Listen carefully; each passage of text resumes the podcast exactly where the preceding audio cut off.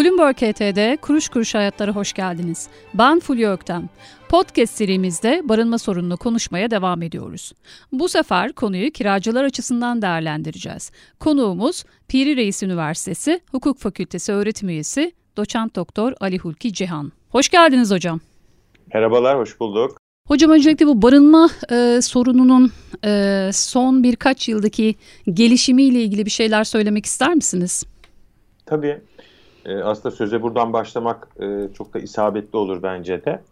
Şimdi e, özellikle tabii hem e, konut fiyatları hem de e, bugünkü e, konumuza özel olarak kira bedellerinin aşırı e, yükselmesinden ötürü artık barınma büyük bir problem haline geldi. E, iş yeri kiralarından yani söz açmıyorum bile sadece e, konut kiraları yönünden e, bile bu büyük bir problem haline geldi. Çünkü e, piyasadaki dengeye baktığınız zaman fiyatların aşırı yükselmesinden ötürü kira bedellerinin e, arz var, e, arz yok ama talep çok. Dolayısıyla e, bir baktığınız ilanı bir daha e, belki ertesi gün göremiyorsunuz ve e, artık bu aklımızın almayacağı e, oranda kira bedelleriyle karşılaşıyoruz. Esas yani problem e, bu. Hocam her şey dönüp dolaşıp sözleşmeye geliyor. Evet. Şimdi e, girişte biz e, sözleşmeyi şöyle etraflıca bir ele alalım diyorum. Yeni bir eve taşınacak kiracı sözleşme yaparken nelere dikkat etmeli hocam? Yani bu sözleşmelerde kiracının sonraki e, yıllarda korunması için elzem olan şartlar nelerdir? Nelere dikkat edilmeli burada? Tamam tabii. Şimdi bir kere hemen şunu söyleyeyim. Ee, bir kira sözleşmesinde e, kanun zaten büyük ölçüde, çok büyük ölçüde kiracıyı koruyucu hükümleri kendisi içeriyor. Biz sözleşmeyi yaparken, kiracı taraf açısından sözleşmeyi yaparken aslında çok da e, böyle e, Amerika'yı yeniden keşfetmemize gerek olmayacak. Ama bugün problem şu noktada çok toplanıyor özellikle kira bedeli. Şimdi e, tabii serbest olarak belirleniyor kira bedeli. Taraflar oturuyorlar. E, sözleşmeyi kurmadan evvel zaten bunun ilana çıktığı zaman e, internet üzerinde veya başkaca işte e, şeylerde, ortamlarda bir ilana çıkıyor. Kiraya veren kişi, mal sahibi veya mal sahibi olmasa da kiraya veren e, kiracı da kiralık konut ararken bir araya bir şekilde bunlar geliyorlar. Dolayısıyla 3 aşağı 5 yukarı bunun zaten fiyatı sözleşme kurulmadan evvel belli. Belli bir pazarlığa oturuyorlar, anlaşıyorlar. Şimdi buraya kadar zaten problem yok bu konuda. Problem şu noktadan sonra başlıyor. Bir, kira artışı bizim yıllık olarak e, kanunda da düzenlenen kira artışı. Birinci problem burada. Ondan daha büyük problem ise sözleşmenin 5. yılını doldurduğu zaman başlıyor. Çünkü kanun e, bir üst sınır düzenliyor. Kira bedelinin artışı noktasında her yıl. Bunda işte en son e, konut kiralarında yüzde 25 olarak belirlemişti. Geçici bir kanun hükmüyle ama bunun e, sonra yeri gelir bugünkü bu e, söyleşimizde de e, uzatılacağı yönünde açıklamalar yapıldı. Ama bundan evvel zaten borçlar kanununun ilgili hükümleri uyarınca e, tüfe e, oranında, üst sınır tüfe oranında artış söz konusuydu. Dolayısıyla aslında kiracı yönünden en büyük problem e, kira sözleşmelerinde kira bedelinin artışı, yeni kira bedelinin belirlenmesi. Ha, bir de daha sonra işte klasik bir takım e, yıllardan beri bilinen işte oğlum kızım Almanya'dan gelecek şeklinde bizim e, teknik anlamda ihtiyaç nedeniyle tahliye dediğimiz veya başkaca bir takım tahliye sebepleri işte tahliye taahhüdü dediğimiz bir takım özellikle uygulamada çok problem çıkaran, sulh hukuk mahkemelerinin e, büyük ölçüde iş yükünü arttıran e, davalar söz konusu oluyor. Ama bugün için e, şunu çok rahatlıkla söyleyebiliriz. Kiracı açısından en büyük problem kira bedelinin artışı ve 5 yıllık dönemler halinde 5. yılını doldurduğu zaman kira sözleşmesinin emsal kira bedeline çekilmesi. Yani bunu çok kısa şu şekilde örnekleyebilirim. Şimdi mesela düşünün ki yeni bir kiracı adayı var e, ve e, söz konusu istenen kira bedeli örnek olarak söylüyorum 5000 Türk Lirası. Şimdi bu e, geçen yıl Haziran ayında çıkarılan kanunla zaten e, konut kiralarında %25 ile sınırlandırıldı. Yani bu ne demek? 5000 liranın ancak birinci yılın sonunda ancak %25'i oranında bir kira bedeli artışı söz konusu olacak. E, bunu büyük ölçüde konut kiraları açısından şey çözdü. Bu e, %25 artış sınırı. Ama burada da bunun devam etmesi halinde başka problemler çıkacak. Hocam çözdü mü? Açısından. Bence tam tersi e, yani şöyle ters tepti diyebilirim kendi deneyimlerime dayanarak. E, çünkü bu artış geldiğinde e, benim yaşadığım muhitte 5-6 bin lira olan e, şey kira aralığı bir günde 10-12 bin liraya çıktı hocam. Doğru. Ya şu anlamda çözdü zaten. Yani en azından kanuni bir sınır getirildi. Birçok fahiş talebin en azından hukuken e, istenebilirliği kalmamış oldu. Ha pratikte bu böyle oldu mu? Hayır. Bugün e, baktığınız zaman e, söylediğim gibi demin de sulh hukuk mahkemelerinin bir bütün neredeyse iş yükü kira bedeli, kira arttırım e, davalarıyla, kira bedeli arttırım davalarıyla doldu. Şimdi bunun ötesinde dediğiniz nokta çok doğru. Bu 5 bin liralık raiç değeri olan bir yerin değerinin iki katına hatta iki katından fazlasına e, piyasada e, şey bulmasına diyelim yani e, talep görmesine sebebiyet verdi. Çünkü insanlar da şunu düşünüyor. Şimdi bu, bu şeyin bu dengenin iki unsuru var. Kiracı olduğu kadar kiraya veren. Kiraya veren tarafı da şunu düşünüyor. Ben %25 artış alabilirim maksimum. E o zaman yüksekten e, şey yapayım sözleşmenin ilk başlangıç kira bedeli olarak 5 bin liraysa ben bunu 10 bin lira yapayım ki ben de zarar etmeyeyim. Çünkü burada hassas bir denge var. Sözleşme dediğiniz şey zaten iki tarafı da adil şekilde koruması gereken bir düzenek. Dolayısıyla ben aslında şunu kastettim. Yani %25 sınır e, bunu çözdü derken büyük ölçüde en azından tartışmayı ortadan kaldırmak üzere bir e, düzenleme yapıldı. Tekrar altını çizeyim. Bu tarz düzenlemeler anlatırım biraz sonra da yeri gelirse. Dünya üzerinde de var görüyoruz ama bunların e, geçici çözümler olması gerektiğini unutmayalım. Çünkü bu kalıcı bir hale gelirse bu sefer e, sözleşme serbestisine müdahaleye dönüşür bu. Ve piyasadaki ekonomik dengeyi de bu anlamda sağlayamaz.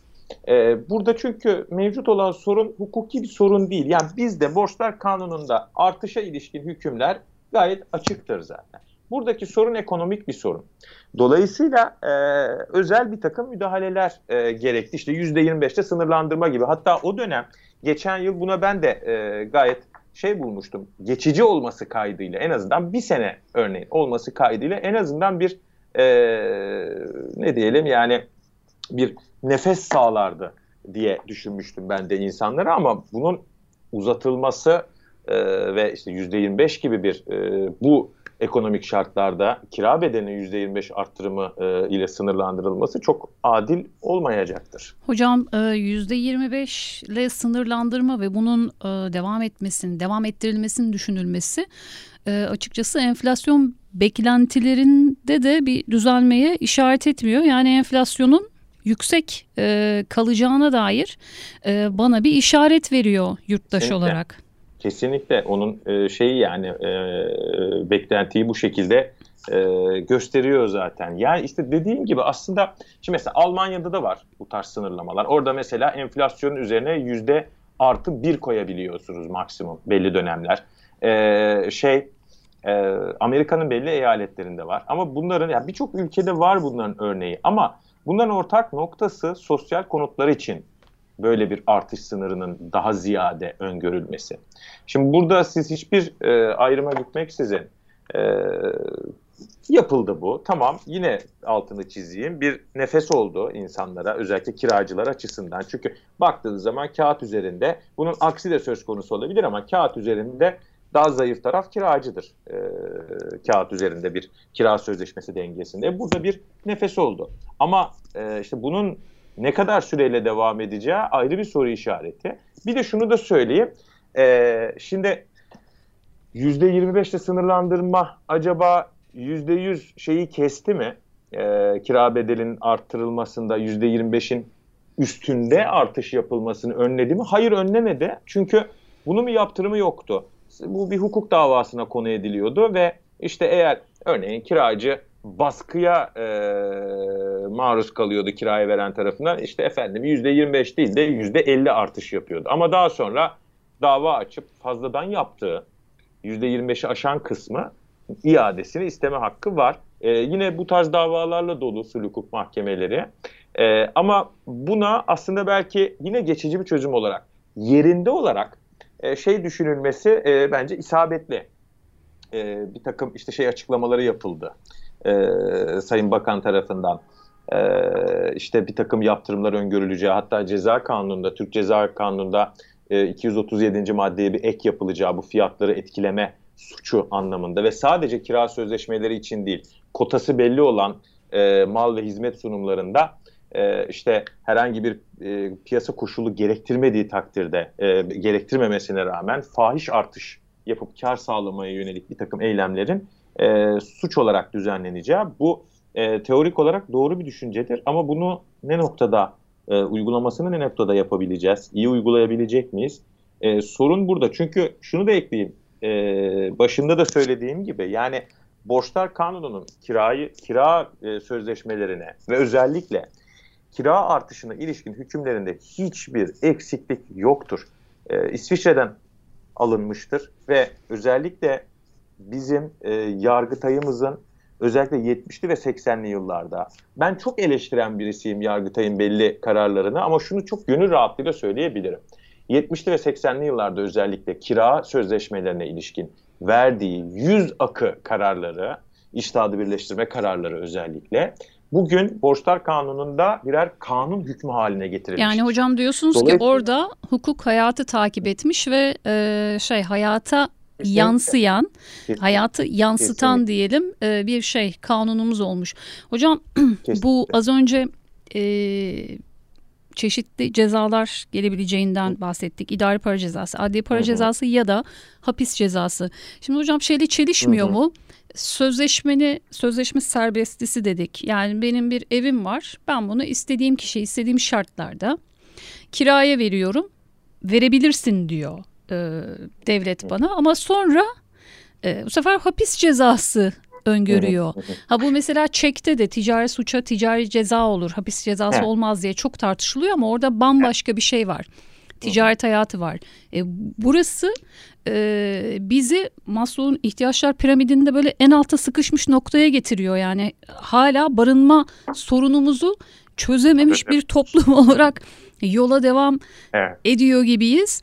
Ee, yani çözüm müdür hocam bir hapis cezası burada? Ya şöyle şöyle açıklamaya çalışayım.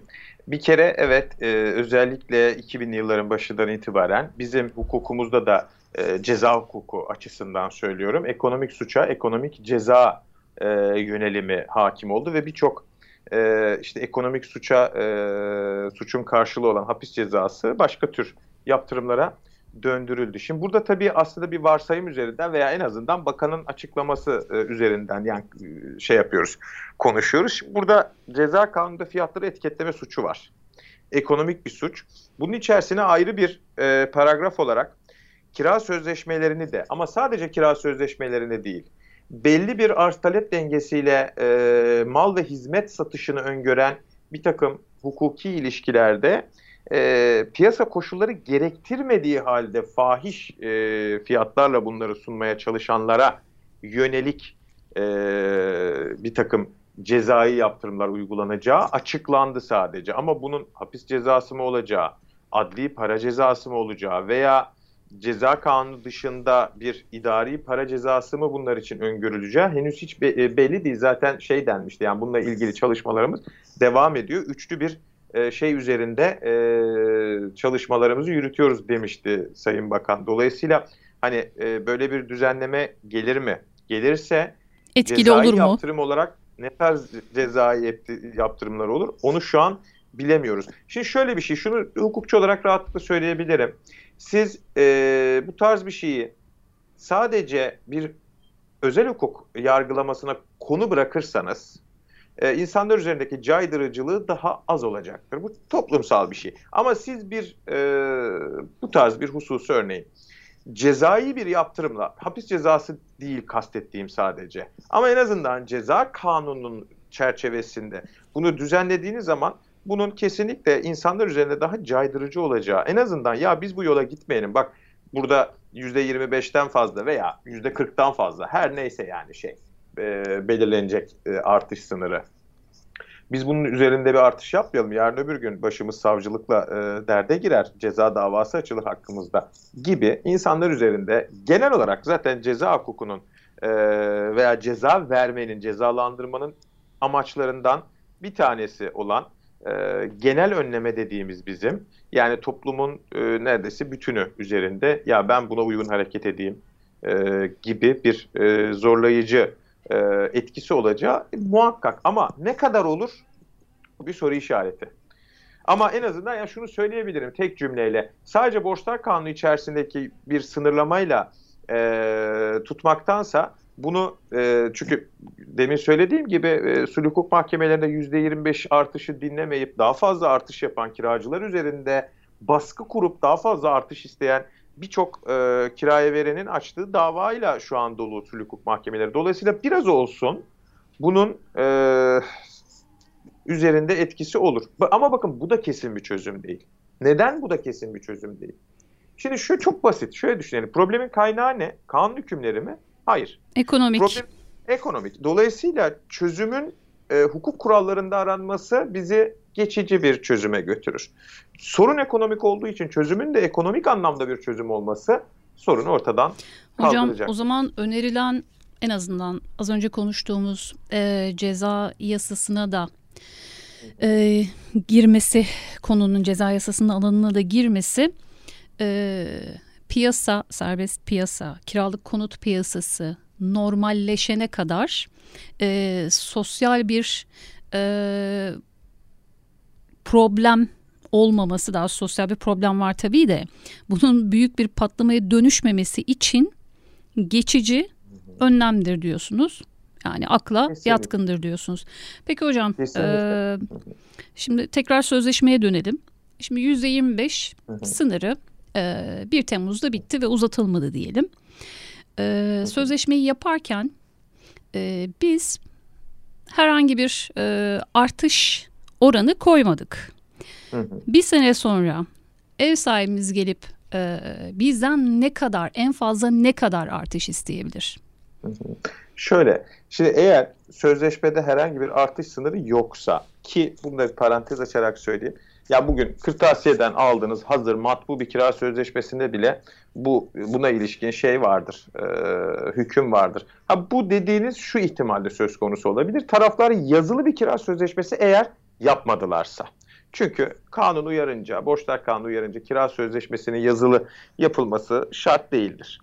E, pratikte de bunun örneklerini görüyoruz. Yani söz, sözlü olarak bir sözleşme yapmışlar. Arada yazılı bir şey yok ve banka üzerinden e, kira bedelleri yatıyor. Şimdi burada ne olacak? Arada yazılı bir sözleşme olmadığı için ve dolayısıyla artışla ilgili bir e, tarafların arasında sözleşme olmadığı için ne yapacağız? Artış için e, yasal e, hükümlere bakacağız. Borçlar kanundaki yasal artış sınırı ile ilgili hükümlere bakacağız. Şimdi eğer 1 Temmuz'da bu uzatılmaz ise tüfe oranında artış istemek e, üst sınır olarak yani bu üst sınırdır ama kanunun düzenlediği. Tüketici fiyat endeksinin 12 aylık evet, ortalaması, ortalaması en aynen. fazla. Ama bu, bu tabii üst sınır. Şimdi mesela şöyle düşünün. Misal tüfe şu anda sanıyorum %70'lerde. Şimdi e, bunun uzatılmadığı bir ihtimalde %25 sınırı. Şimdi e, diyelim ki yüzde yetmiş e, yuvarlak hani temsili olarak örnek veriyorum. Bu üst sınırdır. Ama kiraya veren yüzde yetmiş ister de kiracı der ki yüzde yetmiş değil bu üst sınır çünkü ben yüzde elli vereyim. Şimdi dolayısıyla dönüp bakacağımız bir sözleşme de olmadığına göre taraflar anlaşamıyorlar. Ne olacak? Bu e, ihtimalde eğer anlaşamazlarsa kiraya veren kira tespit davası açabilir 344 2'ye göre hakimden artış oranının belirlenmesini isteyebilir. Hocam Ama bu 5 eğer... yıldan sonraki sözleşmelerde değil yani 5 yıldan daha yeni sözleşmelerde de yapabilir mi ev sahibi bunu? Yapabilir. Yapabilir çünkü 5 yılı doldurmuş sözleşmelerde kira tespit davası emsal değer baz alınarak hakim kararı söz konusu olur. Yani şunu söyleyeyim bir kere yani bilinenin aksine yani işte doğru bilinen yanlışlar dediğimiz türden. Şimdi kira tespit davası her zaman açılabilir. O yani 5 yılı doldurmasına gerek yok. 5 yılı dolduran sözleşmelerde kira tespit davası açıldığında hakim emsal kira bedellerine bakar. Yeni kira bedeli belirlerken. Oysa eğer bir sözleşme 5 yılı doldurmadıysa ve aralarındaki sözleşmede de tarafların kira artışına ilişkin bir artış oranı belirlenmediyse ve taraflar anlaşamıyorlarsa kira artışı konusunda tek çare mahkemeye başvurmak. Dolayısıyla kira tespit davası yine istenir, şey açılır ama burada artık hakim şeye bakacak. Emsale değil.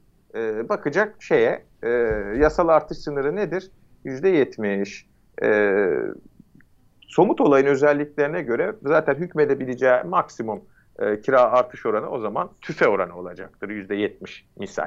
Ama eğer dosya kapsamına göre, somut uyuşmazlığın kendi şartlarına göre daha az bir oranda eğer e, belirlemek makul olacaksa artışı e, daha az orana da hakim hükmedebilir. Ama bu dediğiniz yani çok fazla görülmeyecek bir şeydir pratikte. Çünkü mutlaka dediğim gibi yani taraflar bir kırtasiyeden bile aldıkları matbu bir sözleşmede bile orada yazıyor. Tüfe oranında zaten artış yapılır. Hatta birçoğunda şey yazar.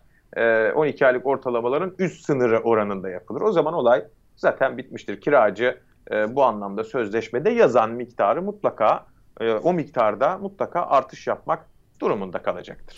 Peki aralarında her yıl bir araya girip aralarında belirlerler kira artışını dendiği zaman bu barışçıl bir çözüm müdür yoksa her sene bir problem çıkacak mıdır? Özellikle de yüksek enflasyon ortamında hocam. Ya bu, bu, bu idealde barışçıl bir çözümdür ama bugünkü şartlarda bu başka problemlere gebedir. E, dolayısıyla ne olacak? Anlaşamayacaklar. E, yine mahkemenin kapısını çalacaklar bu ihtimalde de. Peki hocam e, şimdi her sözleşmenin e, tabii her sözleşme değil de bazı sözleşmeler diyelim. Mutlaka yazılı olması gerekenler dışında e, sözleşmelerin yazılı olmasına gerek yok dedik. Kira sözleşmesi de bunlardan biri dedik ama e, kiracılar ev sahipleriyle işte 10 sene 15 sene gibi uzun zamanlar arada bir yazılı sözleşme olması da ya da ilk 15 sene önce yapılmış sözleşmenin Hı. üzerinde pek çok tadilat olsa da ki bunlar sözlü oluyor. e, kiracılar yükümlülüklerini yere getir, yerine getirmeye devam ediyor. Eve iyi bakıyorlar, kiralarını gününde ödüyorlar. E, ama bir gün bir anlaşmazlık olduğunda özellikle de işte kiralık e, konut piyasasının daralması ve e, aşırı fiyatların söz konusu olması gibi şu anda yaşadığımız bir durumda e, ev sahibi gidip e, mahkemede hakkını arıyor. Ve Hı. öne sürdüğü Hı. şey de sözleşme budur.